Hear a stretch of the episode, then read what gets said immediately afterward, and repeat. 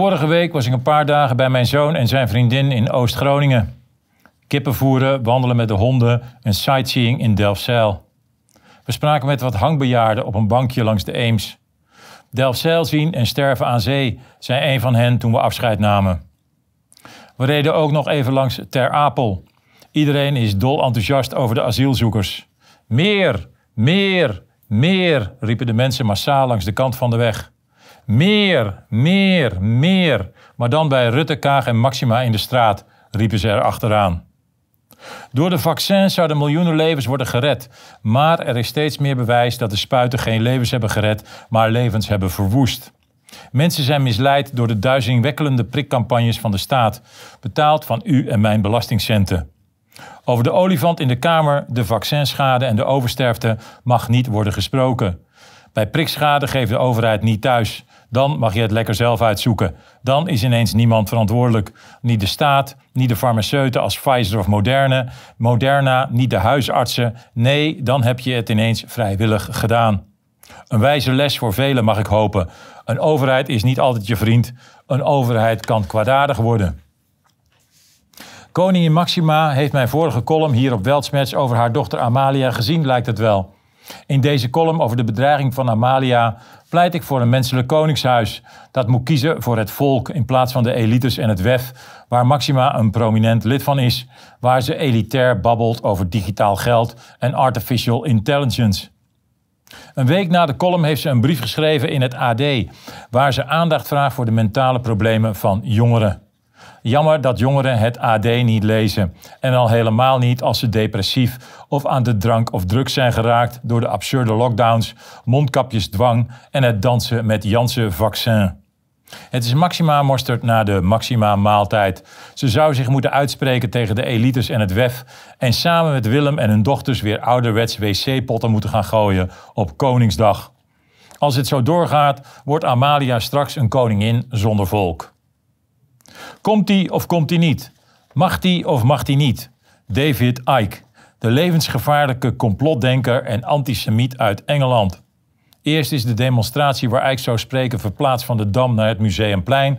Daarna mag hij Nederland en het, Schengen, en het Schengengebied helemaal niet meer in. Op internet verschijnt een lange brief vol spelfouten. De brief is geproduceerd in een geautomatiseerd proces en daarom niet ondertekend. Hij is afkomstig van een senior medewerker. Onze toekomst. Straks krijgen we allemaal van dit soort brieven thuis, uitgespuugd via artificial intelligence, gepropagandeerd door ons Maxima. Groet uit Brussel had er beter onder kunnen staan. Op 5 november wordt bekendgemaakt dat de demonstratie niet doorgaat. Misschien maar goed, het ging al lang niet meer om het thema van de demonstratie: vrede en de absurde oorlog in de Oekraïne uit naam van de democratie. Het werd overschaduwd door David Icke. Leuk is dat veel mensen die nog nooit van David Icke gehoord hadden, nu interviews met David Icke gaan kijken. Mag die man het land niet in? Mag hij niet spreken? Vreemd, zullen veel mensen denken. Het is vooral goed voor David Icke. Hij verkoopt meer boeken. Hij zal het toch niet zelf hebben georganiseerd. Ik word er bijna een complotdenker van. Ondanks dat de demonstratie niet doorging, ben ik toch naar de Dam gegaan. Ik was er lang niet geweest. In 1991 maakte ik er het mooie fotoboekje getiteld De Dam. U heeft de foto's uit het boek wellicht al opgemerkt achter mij. Enige schoonheid uit het verleden wilde ik u niet onthouden.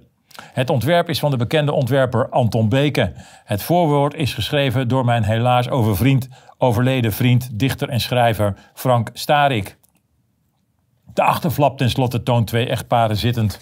Wat doen die mensen daar, zou u wellicht willen vragen.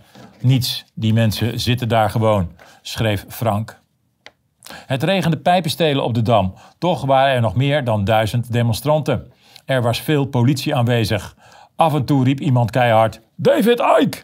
Er was een bord met de tekst World Economic Forum. Het Sidi bestond uit twee personen naast twee Israëlische vlaggen. Voor het monument op de Dam stonden een stuk of dertig Antifa-demonstranten die af en toe op een fluit bliezen. Een vredesdemonstrant vertelde waarom hij demonstreerde. Ik keek naar de persconferentie van Rutte op 16 maart 2020. Hij deed het land op slot voor mijn gezondheid, zei hij in die speech. Ik was 49. De overheid had nog nooit aan mijn gezondheid gedacht. Het klopte niet. Het was een leugen. Ik zag het direct. Uiteindelijk toch mooi dat de demonstratie doorging. Al leidt het hele David Icke-gedoe, zoals ik al zei, alleen maar af van waar het eigenlijk om gaat. Agenda 2030, de oorlog en de controle die over de mensheid wordt uitgerold. Lelijkheid om mensen massaal dwangmatig te vaccineren. Lelijkheid van een gecreëerde oorlog om zogenaamd uit overmacht energieschaarste te creëren en de groene agenda te legitimeren. Lelijkheid van de steeds dwangmatiger wordende genderagenda. De olifant in de Kamer, prikschade en medische apartheid mag nooit onder het tapijt geschoven worden door gecreëerde consternatie van het Sidi, Antifa of een andere al dan niet gecreëerd incident. De focus moet blijven op de medische terreur en de mensen die daarvoor verantwoordelijk zijn geweest. Daarom heb ik uw columnist zonder Twitter hashtag niet vergeten in het leven geroepen. Zodat we niet vergeten welke mensen twee jaar lang het land hebben geterroriseerd met hun prikdwang, QR-codes, lockdowns en mondkapjes. En die nu proberen de verantwoordelijkheid voor dit destructieve beleid te ontlopen. De gewone mensen die onder druk van de staat, de media en de wetenschap met het kabinet en de NCTV voorop de spuit hebben genomen, zijn net als de ongevaccineerden het slachtoffer van de prikterreur. Zij treffen geen blaam. Maar de politici, de overheid, de mediamensen, de rechters en de wetenschap, die, wetenschappers die gezamenlijk de bevolking onder druk hebben gezet middels de grootste propagandacampagne uit de geschiedenis, moeten hiervoor ooit verantwoording afleggen. Vanaf dag 1 van het prikken was duidelijk dat we te maken hadden met experimentele zogenaamde vaccins, waarvan niemand wist wat de gevolgen van vaccinatie op langere termijn waren. Toch is de agressieve prikcampagne en de uitsluiting door een QR-code van miljoenen Nederlanders keihard gevoerd. Op 7 november waarschuwt de NCTV, de Nationaal Coördinator Terrorismebestrijding en Veiligheid, met ChristenUnie-fariseer Pieter Jaap Albersberger aan het hoofd voor extremisten die met complottheorieën het vertrouwen in de democratische rechtorde ondermijnen. Vreemd dat de baas van de Veiligheidsdienst nog niet weet dat die democratische rechtsorde al een tijdje geleden is overleden. De beweging kenmerkt zich door diepe vijandigheid, fanatisme en fantasieën van een gewelddadige eigen richting, vervolgt Jaap. Zulke theorieën kunnen leiden tot extremisme en terrorisme, al dus het rapport. De NCTV probeert mensen weer tegen elkaar op te zetten en tegen elkaar uit te spelen, net als bij corona. Jammer dat Pieter Jaap op zondag 6 november niet op de Dam was. Dan had hij kunnen zien dat de mensen die deel uitmaken van de zogenaamde complotdenkers uit vrolijke, leuke medeburgers bestaan. Die protesteren tegen de absurde maatregelen, tegen de gecreëerde oorlog in de Oekraïne en Agenda 2030 die nu versneld wordt uitgerold. De enige die gewelddadig, gewelddadig is, is de overheid zelf, aangestuurd door de NCTV. De macht heeft haast. Ze worden meer en meer ontmaskerd. Ze zijn in paniek, lijkt het wel. Ze worden steeds extremer. Misschien moeten ze zich ooit wel verantwoorden voor hun daden. Als er iets gebeurt in de richting van terrorisme, durft uw columnist best te zeggen dat het goed mogelijk is dat het dan is aangestuurd door diezelfde NCTV. Net als dat de zogenaamde bedreiging van Amalia door de mokromafia een fake bedreiging is, wellicht ook uit de koker van de NCTV. Stop met dreigen en nonsens vertellen, Pieter Jaap. Ik heb je door. Je hebt mijn voordeur figuurlijk opengetrapt en mij en mijn kinderen en geliefden bedreigd met giftige vaccins. Ik heb jou nooit bedreigd. Draai de zaak niet om, omdat ik zeg wat ik hiervan denk. Vrij mij niet als wappie, racist, antisemiet of terrorist. Ik ben een burger van dit land die opkomt voor de burgerrechten waar mijn ouders en grootouders voor hebben gestreden. Let's declare a pandemic amnesty, schrijft de Amerikaanse econoom Emily Oster op 31 oktober 2022 in het tijdschrift The Atlantic. Ze is de Goldman Sachs University Professor of Economics en International and Public Affairs aan de Brown Universiteit. Ze was een fanatieke pleitbezorger van social distancing, mondkapjes en vaccinatiemandaten. Dus mensen die niet gevaccineerd waren uitsluiten van de maatschappij. Zeg maar in gewone mensentaal medisch fascisme. Nu pleit ze dus voor een amnestie voor mensen die hiervoor hebben gepleit. Ze doet een Wir haben es nicht gewoestje. Ze noemt het generaal pardon voor iedereen die fouten heeft gemaakt tijdens de pandemie een foutje. Foutje bedankt. Mensen verplichten een vaccin te nemen onder dreiging van baanverlies, een verlies van inkomen en totale uitsluiting van de maatschappij, omdat ze weigerden zich in te spuiten met een vaccin waarvan niemand weet wat het op langere termijn uitspookt in je lichaam, was geen foutje of een vergissing, maar een misdaad tegen de menselijkheid. Net zoals bij mij is gebeurd, zal ik maar zeggen. Ik en mijn kinderen en mijn geliefden zijn uitgesloten van deelname aan de maatschappij. Mijn oude moeder van 95 is maanden eenzaam opgesloten. Ik ben uitgemaakt voor moordenaar. Mensen wilden niet meer met mij werken. Fouten noemde professor dit. De bevolking is meer dan twee jaar onderworpen aan onzinnige staatsterreur als mondkapjes, sociale uitsluiting, vaccinatiedrang en onzinnige PR-testen. Hoe kan je dan nu al spreken over vergeven en waarom eigenlijk? De media, de politiek, de rechterlijke macht, de ambtenarij, de politie en de onderwijsinstellingen moeten strafrechtelijk worden gevolgd, vervolgd voor het ondersteunen van een duivelse agenda. Er is willens en wetens aangestuurd op verplichte vaccinaties om een COVID-pas in te voeren. Het is aan de dapperen, de mensen die hun rug recht hielden, die zich niet lieten inspuiten, te danken dat deze fascistische praktijken zijn gestopt. En dan nu een pardon. Ik denk eerder aan tribunalen al mag je het woord tribunalen niet in de mond nemen. Maar waarom eigenlijk niet? En van wie niet? Van dezelfde mensen die hebben gepleit voor medisch fascisme, voor uitsluiting als je de spuit niet nam. Dat vinden deze keurige mensen niet zo netjes, het woord tribunaal. Maar de wandaden van de zogenaamde pandemie worden niet erkend. De verantwoordelijken hebben geen excuus aangeboden. Oproepen tot vergiffenis is vals. De onrechtmatig verkregen winsten van Big Pharma zouden om te beginnen kunnen worden herverdeeld. Maar het gaat niet alleen over geld.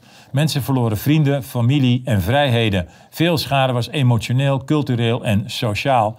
De COVID-prikken zijn nooit getest op het stoppen van overdracht. De spuiten waren niet voor 95% effectief. Het sterftecijfer is onlangs weer naar beneden bijgesteld naar 0,005. Er waren alternatieven als ivermectine. Maskers dragen, maskers werkten niet om over de gevolgen van de spuit op langere termijn nog maar te zwijgen. Kleine bedrijfjes gingen kapot. Amazon en de techbedrijven verdienden miljarden. Enzovoort, enzovoort.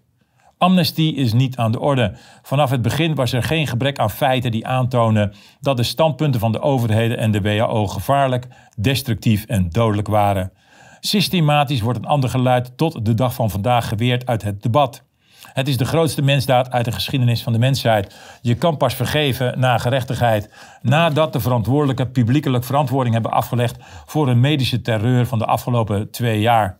Hashtag niet vergeten. Nederland wordt een grimmig land als we niet oppassen, waarschuwt minister Wopke Hoekstra op 5 november 2022 tijdens zijn toespraak op het partijcongres van het CDA in Nijkerk. We leven in een tijd waarin een aantal politici geen enkele verantwoordelijkheid meer nemen voor het gemeenschappelijk belang. Als we niet keihard ingrijpen en polarisatie, asociaal gedrag en criminaliteit hun gang laten gaan, ziet het er grimmig uit.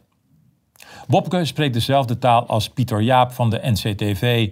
Het zijn de dreigende woorden van een politicus en een partij die de laatste twee jaar niets anders heeft gedaan dan polariseren die twee jaar lang middels partijgenoot Hugo de Jonge rechtstreeks miljoenen Nederlanders heeft bedreigd met een spuit, die miljoenen mensen heeft uitgesloten middels QR-codes en fake PR-testen van deelname aan de samenleving. De enige die constant radicaliseert is de overheid zelf. Wopke Hoekstra, die onderdeel is van die overheid, moet eerst verantwoording afleggen voor wat uit naam van de gezondheidszorg is gedaan, voordat anderen die hier kritisch op zijn worden gedemoniseerd en beticht van polarisatie. Het is de omgekeerde wereld. Niet de kritische partijen als Forum voor Democratie of mensen als David Icke hebben een duivelsbeleid uitgevoerd en medisch fascisme bedreven. Nee, meneer Wopke, dat heeft u zelf gedaan.